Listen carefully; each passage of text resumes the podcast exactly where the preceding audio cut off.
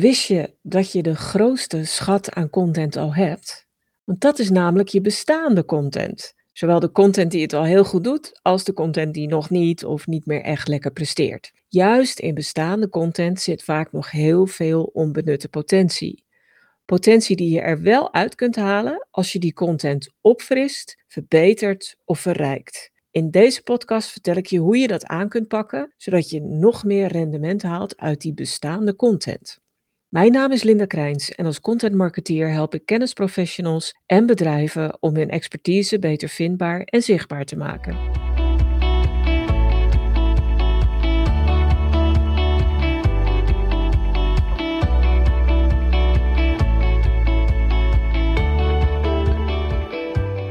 Wat mij opvalt is dat we vaak helemaal gericht zijn op het maken van nieuwe content.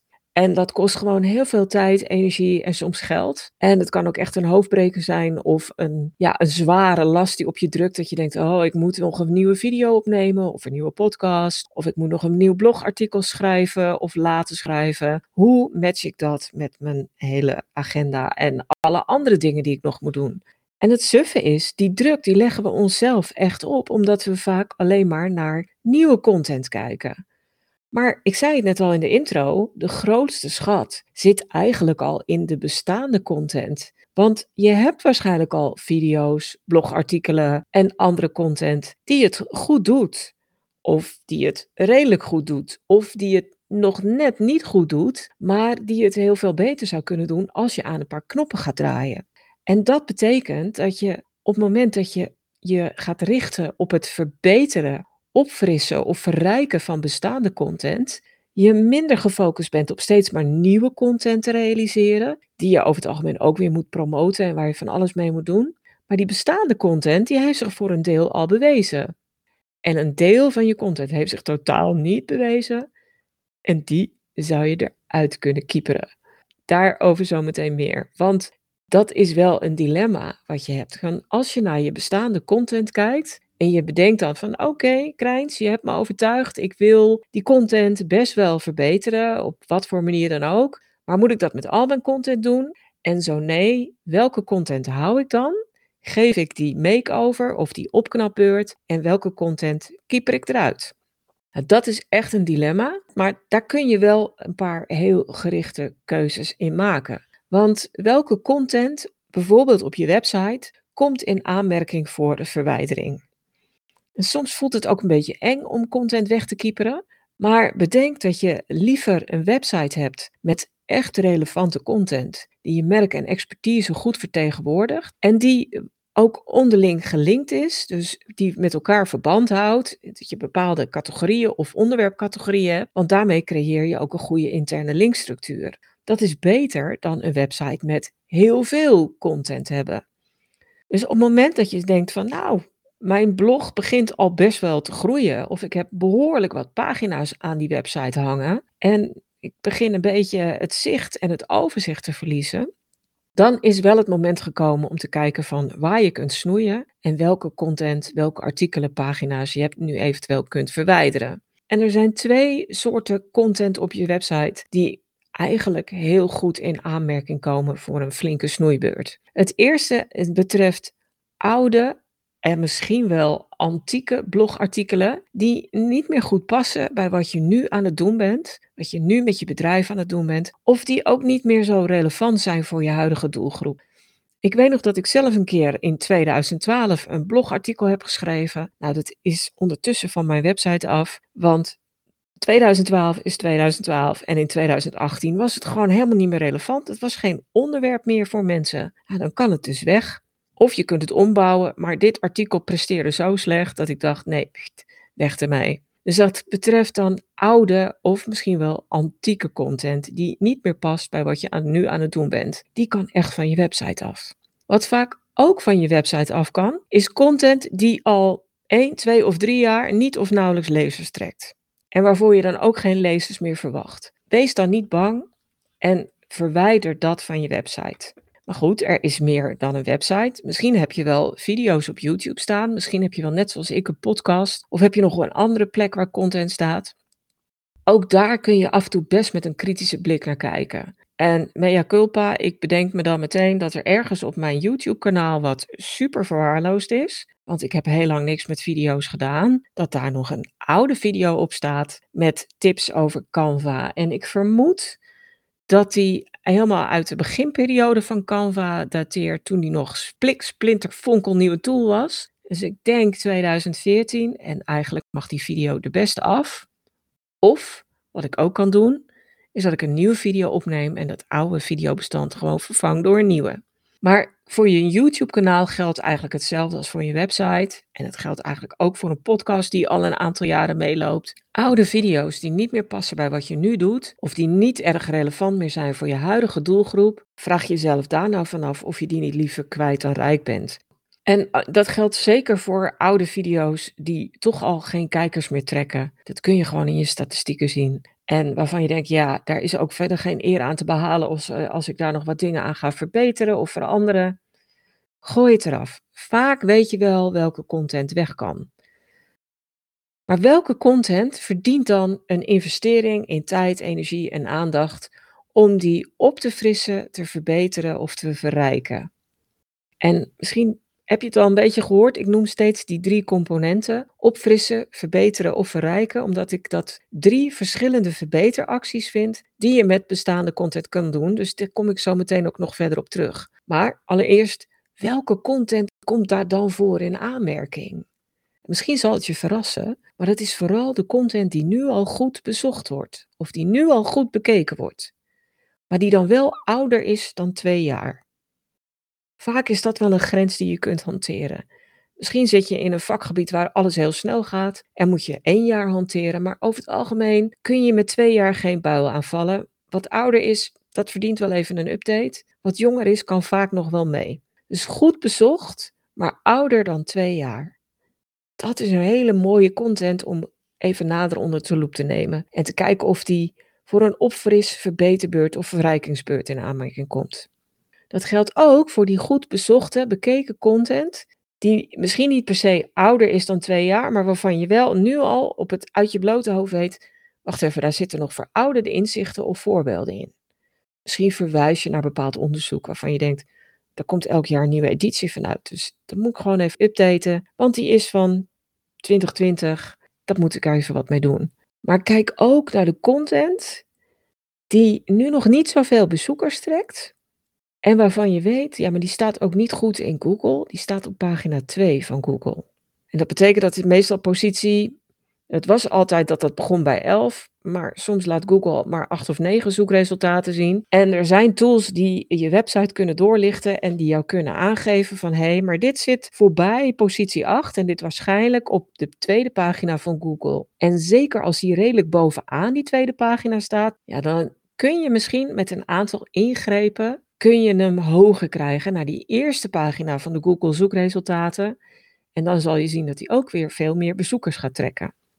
En je proeft het misschien al een beetje, blogartikelen kun je wat dat betreft altijd gemakkelijkst aanpassen. Maar ook video's en podcasts kun je bijna altijd vervangen door een nieuw bestand, waardoor die ook weer beter worden en beter ontvangen worden en ook een betere indruk achterlaten.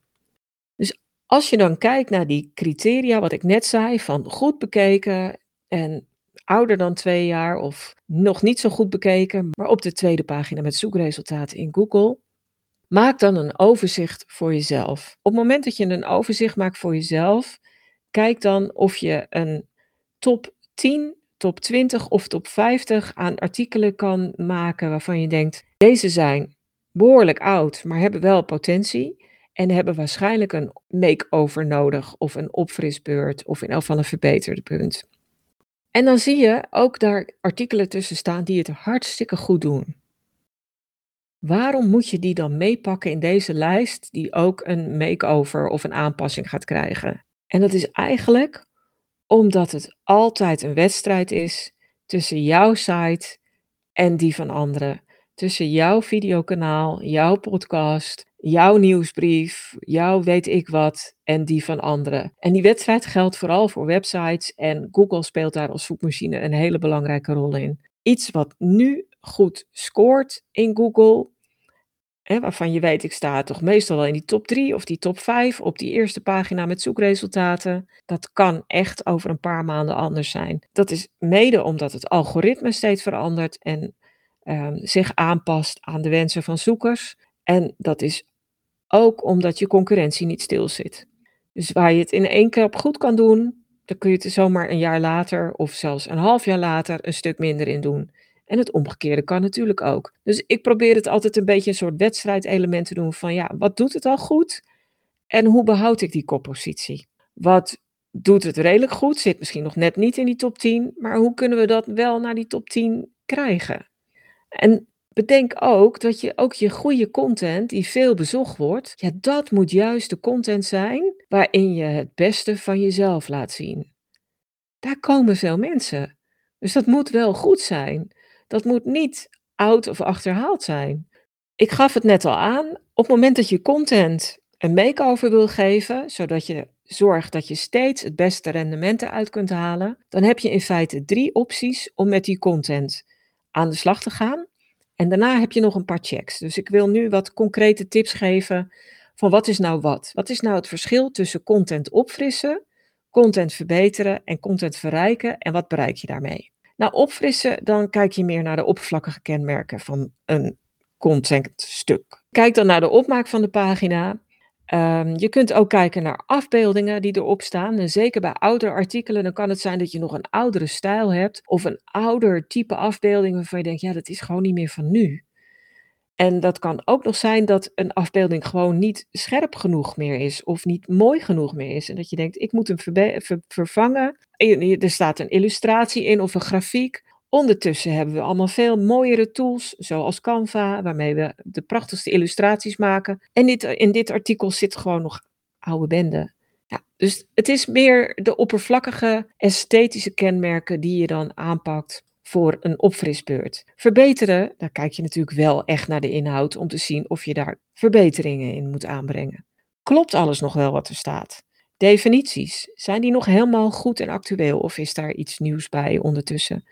Begrippen, inzichten, voorbeelden, zijn ze nog van nu en zijn ze voldoende actueel? Je wil gewoon liever niet dat je in 2022 of 2023 verwijst naar een onderzoek uit 2013 dan denk je lezer van ja, 2013, is dat nog relevant? Kan dat nog? Dus dat vind ik ook, weet je, dus dan, dan kijk je van, is het nog wel van deze tijd? En ga dan op zoek naar een recente update. Kijk ook naar de voorbeelden die je noemt. Ik noem nu voorbeelden in deze podcast. Nou, die zijn over een jaar gedateerd. En zo werkt het ook met de blogartikelen op je website. Daar staan vast wel ergens voorbeelden in. Zijn die nog steeds actueel of relevant? Wat je ook nog kunt doen en wat ik ook onder verbetering vind vallen, en uh, zeker als je het bij jou draait om je expertise, dan kan een artikel soms wat oppervlakkig aanvoelen, omdat je voorzichtig bent of beschrijvend bent. Je bent een beetje afstandelijk, je wil het beste laten zien. Maar dan denk je nu misschien een verbeterslag van: hé, hey, ik heb hier duidelijk een mening over. Dit is een wat ouder artikel.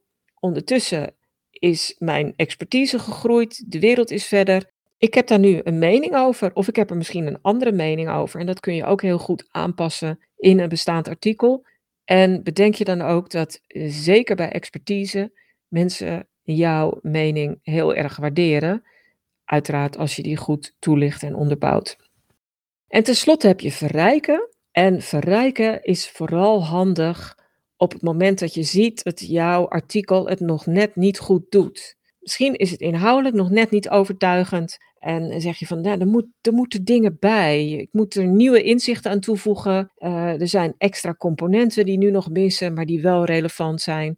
En er kunnen ook extra elementen zijn waarvan je weet dat jouw doelgroep daar echt wel naar op zoek is. Er is iets veranderd in de wereld of in de beleving van je doelgroep. 2015, toen je een artikel schreef, zochten ze nog niet naar bepaalde antwoorden. Nu weet je dat ze dat wel doen. En dat kun je dan ook met een extra element eraan toevoegen. En verrijken van bestaande content is vaak heel goed om een hogere positie in Google te krijgen. En dat is niet per se dat je meer woorden gaat dichten, maar dat is wel dat je relevante toevoegingen doet, waardoor het een beter antwoord op de zoekvraag geeft van de zoeker. En bij Google is het gelukkig momenteel echt zo dat het beste antwoord eigenlijk altijd wint. Dus met verrijken probeer je gewoon een beter antwoord te geven dan je eerst deed. En daarmee ook een beter antwoord te geven dan concurrerende websites doen. Dus je kunt opfrissen, verbeteren, verrijken. Maar je kunt nog een paar extra checks doen. En die hebben niet zozeer met de inhoud van je content te maken, maar die hebben wel alles te maken met het rendement wat je er vervolgens uithaalt. Want ja, die bezoeker is op je website, dan wil je wel dat hij wat gaat doen. Dus dat betekent dat je ook checkt welke calls to action staan erin. Staan ze er eigenlijk wel in? Kan je ook nog verrassen dat je in oude artikelen misschien gewoon geen relevante aanzet tot actie erin hebt staan. En er kunnen er in elk artikel kun je er over het algemeen zeker 1 à 2 kwijt, soms meer, hangt er een beetje vanaf. Kijk welke erin staan, zijn ze nog relevant, sluiten ze aan bij je commerciële aanbod of is er iets beter? Kijk ook, en dat is ook een extra check die je kunt doen, of je nog steeds naar de beste gerelateerde blogs op jouw website verwijst. Want sinds dat ene artikel gepubliceerd is, zijn er waarschijnlijk nog de nodige andere artikelen op je, op je website bijgekomen, die misschien relevanter zijn dan de artikelen waar je nu naar verwijst. En door dat te verbeteren, verbeter je ook de interne linkstructuur en dat komt je hele website ten goede, zowel in het, vanuit het oogpunt van de gebruiker, die gewoon de best denkbare, relevante content voorgeschoteld krijgt die past, maar ook in de ogen van Google is een interne linkstructuur heel belangrijk. Dat brengt me op Google. Je kunt ook altijd nog een SEO-check doen. Een check of je pagina, je artikel wel voldoende geoptimaliseerd is. En ik zie dat nog wel eens bij oudere artikelen, ook van klanten. Ik had laatst een artikel, dat was geloof ik in 2014 of 2015 geplaatst. Bestond uit verschillende alinea's, was netjes ingedeeld met witruimte. En elk kopje was in feite gewoon vet gemaakt. Er werd niet gewerkt met een koppenstructuur zoals dat eigenlijk beter is voor vindbaarheid, namelijk dat je de titel als een H1 weergeeft, dat daaronder H2 koppen staan en dat één orde lager H3 koppen zijn. Dat was helemaal niet gebruikt. Dat was toen ook niet heel aan de orde, althans niet in beleving van degene die toen de website onder handen hadden. Um, dus dat hadden ze niet gedaan. En dan kun je die structuur verbeteren door de juiste koppen, grote kenmerken te geven, door te checken of het, de zoekopdracht waarvoor je wil optimaliseren voldoende genoemd wordt in de tekst, of die ook tot uitdrukking komt in de afbeeldingen. Zijn die afdelingen ook geoptimaliseerd voor vindbaarheid voor bepaalde zoekopdrachten? Check ook of je nog kunt optimaliseren voor verwante zoekopdrachten. Kun je daar ook nog bepaalde benamingen in geven? Kun je misschien nog synoniemen verwerken? En check ook of de pagina misschien in de ogen van nu al te overdreven geoptimaliseerd is. Dat is ook nog een erfenis van langer geleden. Toen dachten een hoop mensen nog van, ja, maar ik wil vindbaar worden op deze zoekterm of deze combinatie van zoekwoorden. En die laat ik lekker veel terugkomen en vooral in deze volgorde.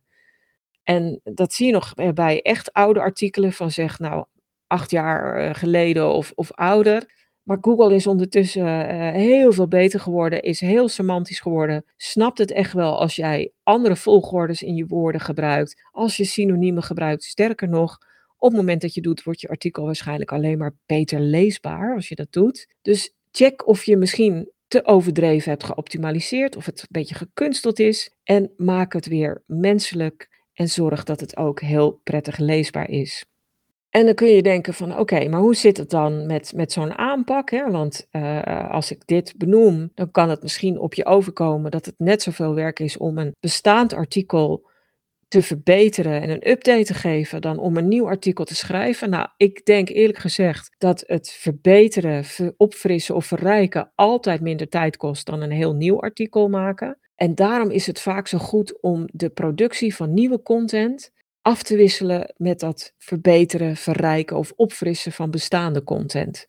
Misschien heb je een bepaald contentproductieschema, uh, omdat je een nieuwsbrief hebt, omdat je content nodig hebt voor social media of voor iets anders. En zeg je van nou, ik, ik, maak, ik publiceer elke week of elke maand of elke 14 dagen een nieuw blogartikel.